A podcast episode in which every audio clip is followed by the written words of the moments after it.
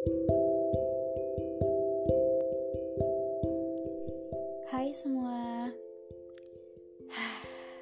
Rasanya sudah lama sekali ya saya nggak cerita di podcast ini. Tapi semoga Walau sudah lama ditinggalkan dalam kondisi berdebu Saya harap podcast ini masih memiliki tempat untuk menjadi rumah bagi para pendengarnya. Iya, rumah Hmm, berbicara tentang rumah kayaknya nggak akan ada habisnya ya. Karena setiap orang pasti punya definisi yang berbeda-beda untuk memaknai tentang rumah. Tapi saya yakin kita semua sama-sama sepakat bahwa rumah adalah titik nyaman yang yang selalu kita cari ketika diri sendiri sudah mencapai garis penatnya untuk menghadapi kehidupan yang yang rasanya tidak ada titik ujungnya. Selama lebih dari setahun belakangan, saya belajar bahwa rumah itu ternyata bisa kita bangun seorang diri.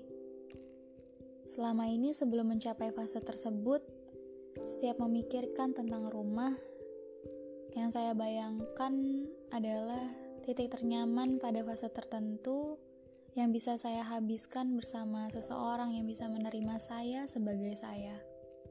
Yang ketika bersama dia, rasanya saya nggak mau ke mana-mana lagi. Karena bersamanya saja sudah cukup untuk membuat saya sadar bahwa kadang merasa penat pun nggak apa-apa. Karena nggak setiap perjalanan harus kita selesaikan tanpa jeda istirahat. Seseorang yang bikin saya lupa bahwa hal-hal yang bikin penat itu kadang cuma perlu ditinggalkan sejenak sampai kita dapat tenaga untuk kembali melanjutkan perjalanan. Tapi, setelah sekian lamanya memiliki pemahaman bahwa rumah harus saya cari di diri orang lain, pelan-pelan semesta mengajarkan saya lewat banyak kesedihan, hingga saya bisa mencapai titik pemahaman baru bahwa rumah pun sebetulnya bisa saya bangun seorang diri. Saya yakin gak banyak orang sadar tentang hal ini, bahwa titik ternyaman dalam hidup sebetulnya bisa kita temukan di dalam diri kita sendiri. Karena sebetulnya yang paling familiar, yang paling paham apa yang kita mau, yang pertama kali peka ketika kita nggak baik-baik aja, tentunya adalah diri kita sendiri.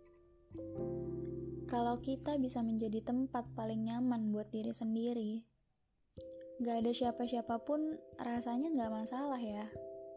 Dan mungkin ketika kita menemukan rumah baru di dalam diri orang lain, rasanya justru akan lebih menyenangkan.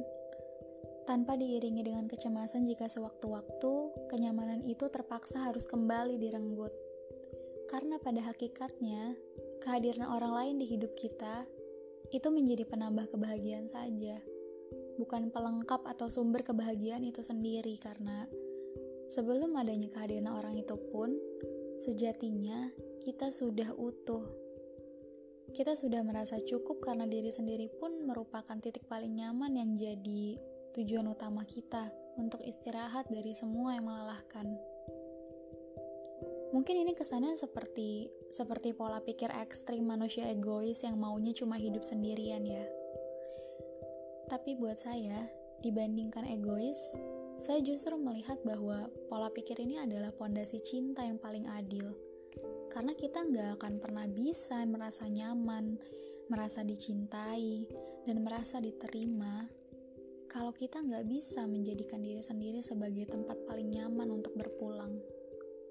Gak apa-apa kalau misalkan kita ingin membuka diri, main-main ke rumah-rumah lain yang bisa bikin kita ngerasa nyaman dan diterima. Tapi, ketika sendiri pun rasanya nggak masalah. Kebersamaan dengan orang lain tentunya bisa membuat kita jauh lebih menghargai hubungan itu sendiri. Karena kita nggak sekedar punya, tapi juga paham bahwa rumah itu bukan cuma untuk ditinggali, tapi juga dijaga supaya senantiasa nyaman untuk ditempati.